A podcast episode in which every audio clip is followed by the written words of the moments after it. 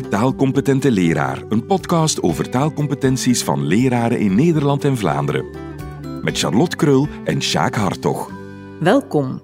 Leraren zijn de sleutelfiguren in het onderwijs. Als opvoeder en inspirator brengen ze leerlingen kennis, vaardigheden en attitudes bij. Maar dat kan alleen als je over de juiste taalcompetenties beschikt. Wat zijn die taalcompetenties? Ze zijn vastgelegd door de Taalunie. Wij proberen ze je zo concreet mogelijk uit te leggen aan de hand van voorbeelden en tips, samen met de experts die die taalcompetenties hebben vormgegeven.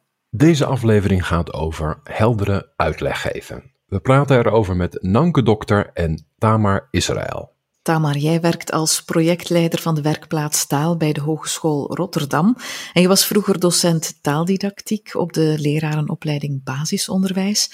Wanneer is jouw liefde voor taal ontstaan? Ik denk dat dat was toen ik leerde lezen. Ik was een jaar of vijf. Niet zozeer omdat ik dan toegang had tot uh, de hele wereld via boeken. Misschien speelde dat wel een beetje een rol hoor, maar ik las het woordje moe. En ik bleef stug moe zeggen. Toen besefte ik eigenlijk, niet in die woorden natuurlijk, als vijfjarige, dat taal een levend organisme is en dat spelling en het schrift eigenlijk maar een beperkte ja, poging is van de mens om het weer te geven. En dat vond ik zo interessant. Taal als levend organisme, dat, uh, dat heeft me eigenlijk de rest van mijn leven achtervolgd. Dank je. Je bent docent taaldidactiek en onderzoeker aan de lerarenopleiding basisonderwijs in Den Bosch. Fontes Hogeschool Kind en Educatie en je maakt een proefschrift over schoolse taalvaardigheid bij rekenen aan de Tilburg University. Hoe is jouw liefde voor rekenen ontstaan? Ja, dat is een mooie vraag, want ik ben natuurlijk een taaldocent. En toch liefde voor rekenen. En dat heeft alles te maken met, denk ik, de rol die taal weer binnen rekenen speelt. Um, want om goed te kunnen rekenen, of ook om wiskundig te kunnen redeneren, heet dat dan, heb je ontzettend abstract taalvermogen nodig. Als je wil weten wat bijvoorbeeld een tafel is. Een tafel is natuurlijk een concreet iets, maar bij rekenen is dat iets heel abstracts. We bedoelen met een tafel iets heel anders bij rekenen dan in het uh, echte leven. En daarom is het heel erg interessant om te kijken hoe je nou op de beste manier kinderen kunt leren rekenen en hoe taal daar een rol bij speelt. Leraren vragen ook altijd: uh, lees heel erg goed de instructies. Want uh, ja, in de instructies kun je erachter komen wat er precies bij rekenen van je gevraagd wordt. Maar veel leerlingen vinden die instructies lastig. Hoe ga je daarmee om? Ja, ik denk dat je als leerkracht al van tevoren, laat zeggen, moet bedenken wat er in de instructie moet zitten wat je graag wil dat, die, uh, je kinderen gaan doen. En heel goed bedenkt of bekijkt ook hoe de taal van de instructie in elkaar zit. Dus wat, wat laat je je kinderen nou lezen en wat staat daar dan precies? En begrijpen jouw leerlingen wel wat daar staat? Dat je dat als leerkracht van tevoren al weet. Zodat je uh, kinderen door bijvoorbeeld te parafraseren, dus op een andere manier te zeggen, kunt verduidelijken wat je bedoelt of wat er bedoeld wordt met wat daar staat. Tamar, wat, wat is jouw mening daarover? Eh, over het uitleg geven als kerntaak voor de leraar? Ja, bij uitleg geven, en dan bedoel ik mondeling uitleg geven, is natuurlijk het voordeel voor de leerkracht dat hij de kinderen kent, anders dan bij instructies die je moet lezen. En dat je de kinderen ook aankijkt, dat je ziet of ze afdwalen, of dat ze bij je blijven, of ze geïnteresseerd kijken, en dat je daar je uitleg op kan afstemmen je moet voortdurend nagaan wat het probleem is als ze afhaken. Is je taalgebruik te moeilijk? Is het te saai? Ga je te snel? Dus je moet eigenlijk heel veel controleren als het gaat om je eigen uitleg, ook tijdens je uitleg. Dank Kun je daar aanvullende voorbeelden opgeven hoe je misverstanden kan vermijden bij het uitleggen van een opdracht? Ik denk dat je eh, als leerkracht zelf het goede voorbeeld moet geven. Dus uh, je kunt in je uitleg kun je moddelen, dus hardop denkend voordoen hoe jouw denkproces is. En dat helpt een leerling ook bij welke denkstappen hij zou moeten zetten. Dus dat is iets wat je als leerkracht zou kunnen doen. Um, wat veel leerkrachten wel ook doen en wat ook goed helpt, is bijvoorbeeld visualiseren. Dus maak beeldend wat je nou eigenlijk graag wil dat ze doen. En ik denk ook in het taalaanbod dat je geeft goed bedenken of dit is wat jouw kinderen begrijpen. Um, en dit is heel erg vanuit het aanbod van de leraar gedacht. Maar wat je vooral ook moet doen is de hele tijd koppelen bij je leerlingen. Is het aangekomen of niet? Dus laat jouw leerlingen vooral ook aan het woord. En vraag terug. Wat denk je nu dat je moet gaan doen bijvoorbeeld? Of wat denk je dat ik heb uitgelegd daarnet? Bij het nieuws is er maar één kans om eh, de tekst goed bij de ontvanger aan te laten komen. En heel toevallig is mijn collega Charlotte uh, radionieuwsanker. Ze schrijft en ze presenteert de teksten. Charlotte, waar let jij op? Is, en is het vergelijkbaar met lesgeven? Ik let erop in eerste instantie dat het um, een heel helder taalgebruik is uh, dat we hanteren bij het radionieuws. Er mogen geen al te moeilijke woorden insluipen, want je vertelt iets aan een luisteraar één op één. En dat komt binnen. Hij of zij heeft geen beeld. Het gaat heel snel en het is meteen weer weg.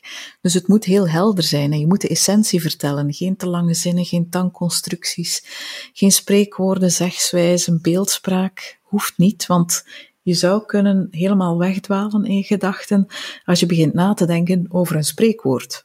Mensen die niet goed Nederlands kunnen, maar toch nieuws willen krijgen, daarmee moeten we ook rekening houden. We moeten eigenlijk heel laagdrempelig vertellen en voor een zeer ruim publiek. We moeten eigenlijk voor ogen hebben dat het mensen zijn die niet al te best Nederlands kunnen, ook al kan een heel groot deel van de luisteraars dat wel. Hè? We mogen niet verkleuterend beginnen te spreken, uiteraard. Hè. We moeten het bij de essentie houden. En we moeten ook sommige dingen telkens weer opnieuw uitleggen. Bijvoorbeeld een woordje als Brexit. Je mag er niet van uitgaan dat iedereen weet wat dat is als dat in een nieuwsbericht zit. Dus als we het over de Brexit hebben, dan verderop in het bericht bijvoorbeeld spreken we nog eens over de uitstap van het Verenigd Koninkrijk uit de Europese Unie. Zonder dan te betuttelen te willen overkomen van weet je niet wat het is, maar gewoon ergens in één bericht iets duiden. Dus ik denk dat het anders is dan lesgeven in die zin, omdat je heel basic dingen vertelt, de essentie, want het is zo weer weg. Ja, ik zie toch wel de link hoor met lesgeven, want wat wij ook laten vallen onder die taalcompetentie is vertellen. En een geschiedeniscollega van mij, die met een studentengroep op excursie was naar Noord-Frankrijk, naar de loopgraven, die was aan het vertellen over, uh, over de Eerste Wereldoorlog. En iedereen hangt aan zijn lippen dan. Hij kan geweldig vertellen. En dan moet hij natuurlijk ook voortdurend rekening houden met hoe hou ik het spannend, hoe hou ik het begrijpelijk voor iedereen. En toen, terwijl iedereen aan zijn lippen hing, waren er toch twee studenten die aan de kant stonden op hun telefoon iets uh, te typen. Nou, deze docent werd niet boos. Hij was gewoon nieuwsgierig van waarom luisteren deze studenten niet? En blijkbaar kan hij zo'n goed pedagogisch klimaat scheppen dat die studenten zich ook vrij voelden om het uit te leggen. En die zeiden: Maar meneer, u praat zo moeilijk. We zijn aan het uitzoeken wat executie betekent. Nou ja, en als je zoiets meemaakt, dan merk je dat het heel moeilijk is om toch die talige beginsituatie van studenten, ook van eerstejaarsstudenten, in te schatten. En daarmee zou het dus heel erg helpen als je die Brexit-truc, zoals jij het noemt, mm daarop loslaten, dat je die soort woorden toch nog eventjes parafraserend terug laat komen. Daarop wil ik even aanvullen dat wat uh, sommige leraren doen, is die vergeten dat ze dan het moeilijke woord moeten gaan noemen. Dus die gaan dan in de versimpeling hangen. En die noemen alleen nog maar de simpele begrippen. Maar als je dat doet, dan ontneem je de kinderen de kans om ook die moeilijkere woorden te leren. Dus het is juist goed om wel ook de moeilijke woorden te gebruiken, maar vervolgens te verduidelijken wat het is, door dat misschien simpeler nog een keer te zeggen. Of andersom is het simpele en daarna een moeilijk woord erachteraan noemen. Dus dat je niet vergeet dat je ook die taak hebt als leraar. En dat is denk ik wel weer een verschil met de radio. Ja, ja, wij noemen dat bij onze studenten, onze, bij onze leraaropleiding, altijd de drie B's van je taalaanbod. Hè. Bovenniveau, want je wil ze verder helpen in hun taalontwikkeling, maar wel begrijpelijk. Dus dat betekent dat je moet visualiseren of toelichten of parafraseren of terugvragen bij je leerlingen. En de laatste B van betrokkenheid, die moet je natuurlijk tot stand brengen. En dat doe je door grapjes, door interactie, door leerlingen aan te kijken en door ze mee verantwoordelijk voor de uitleg te maken.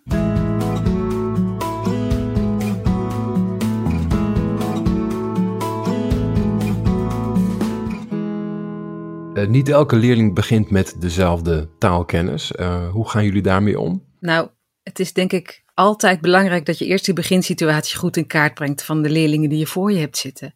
Dus het begint met je leerlingen leren kennen. En dat betekent ook leren kennen op taalniveau. Dus wat hebben ze in huis? Wat kunnen jouw leerlingen begrijpen? En van daaruit kun je pas bedenken, hoe kan ik net boven het niveau van dat kind gaan zitten? En want dat klinkt makkelijk, ga net boven het niveau zitten, maar je hebt wel je 25 kinderen in de klas. Ja. En dat betekent dat je uh, boven niveau voor de een is niet boven niveau voor de ander. En dat betekent ook weer dat je misschien ja, flexibel daarmee moet leren omgaan in hoe jij uh, je uitleg geeft. Dus één klassikale uitleg voor alle kinderen, dat is prima, maar dan weet je dat je niet alle kinderen in ieder geval net boven hun taalniveau kunt bedienen. Zijn daar uh, verschillende tactieken voor om dat probleem te tackelen? Ja, wat je veel ziet is dat ze uh, leraren werken met verschillende niveaugroepen. En dat ze dan de instructie geven, bijvoorbeeld eerst een keer uh, aan de hele klas, dan alvast een groep kinderen aan het werk zetten. En dan een soort tweede instructie geven aan een kleinere groep. En daarna misschien nog een verlengde instructie geven aan een derde groepje, zoiets. Dus er zijn modellen, er zijn didactische modellen die daar rekening mee houden. Dat je op verschillende, dat je eigenlijk als het ware stapsgewijs je instructie geeft. Ja, en dat geldt natuurlijk ook voor instructie vooraf aan die groepjes. Um, die hoeven dan misschien helemaal niet mee te doen met de verlengde instructie.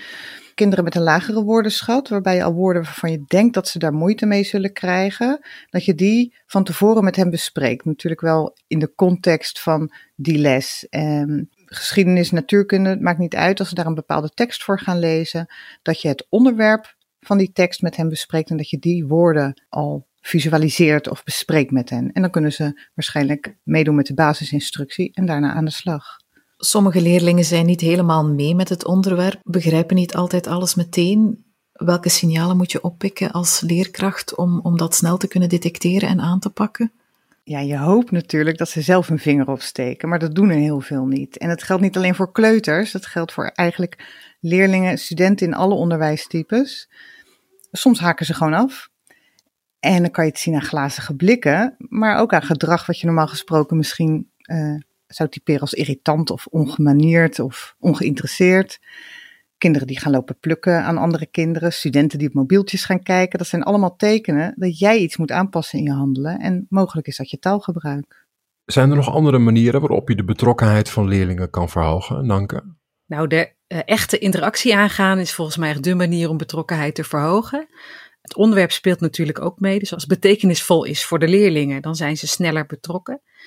Als het minder betekenisvol is, maar jij kunt wel duidelijk maken aan de leerlingen waarom het van belang voor ze is, dan kun je ze toch ook heel betrokken maken bij wat, waar je mee bezig bent.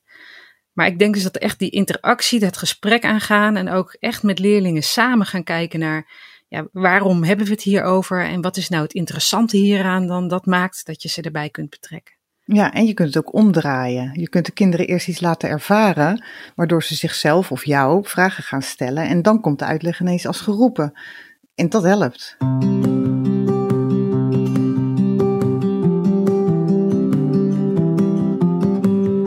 Sinds het jaar 2020 zijn we vertrouwd geraakt met afstandsonderwijs. Dat was noodgedwongen, coronacrisis.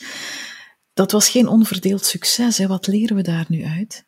Nou ja, voor sommigen was het wel een groot succes en daar hebben we wel veel uit geleerd. Want werken met Teams bijvoorbeeld of met Zoom, dat geeft ook allerlei nieuwe samenwerkingsmogelijkheden. Dus zonder dat je in elkaars ademruimte zit, kun je ook samenwerken aan documenten. En daar gebruik je taal. Als je iets typt, dan denk je toch beter na dan wanneer je spreekt. Uh, je kiest je woorden zorgvuldiger en als je dan ook nog eens studenten of leerlingen laat samenwerken in een document, dan kan je best wel taalwinst hebben. Maar lange monologen, dat hebben we wel afgeleerd als docent om die te houden. Want je ziet, die glazige blikken kunnen van alles betekenen. En je kan niet de ene student een knipoog geven en die andere student eventjes heel subtiel terechtwijzen. Dus het vergt echt hele andere didactische en pedagogische vaardigheden van een docent. Ik heb gemerkt op het moment dat ik weer live voor de groep mocht, hoe fijn ik het vond dat ik gewoon, en eh, dan stelde ik een vraag. En dan hoefde ik niet eerst heel lang te wachten. En dan had ik een soort stille computer. En dan uh, dacht ik, ja, hebben ze nu mijn vraag begrepen of niet? Eh, komt er nog een antwoord? Terwijl ik live, toen ik live stond, toen keek ik even de groep rond. Toen zag, kon ik zien, ja, ze hebben het begrepen of niet. En dan kon ik meteen verder. En dat scheelde echt, nou ja, ontzettend veel tijd en frustratie bij mij. Dus ik heb gemerkt hoe ontzettend makkelijk de interactie is op het moment dat je live met die studenten uh, voor de klas staat. Dank dus jij hebt het eigenlijk als een barrière ervaren op het moment dat het onderwijs via de computer ging bij opdrachten, taken en toetsen als taal nog steeds een barrière is in de klas, live, hè, met de leerlingen erbij. Hoe kan je dat dan uh, aanpakken? Eigenlijk als je toetst, hè, dan ga je ervan uit dat de kinderen begrepen hebben dat je, laat me zeggen, voor die tijd alles al hebt aangeleerd wat je toetst. Want waarom zou je het anders toetsen? Dus in principe zou je ervan uit kunnen gaan dat ze op de toets begrijpen wat je bedoelt. En anders vind ik dat je altijd heel kritisch moet kijken naar je toetsresultaat.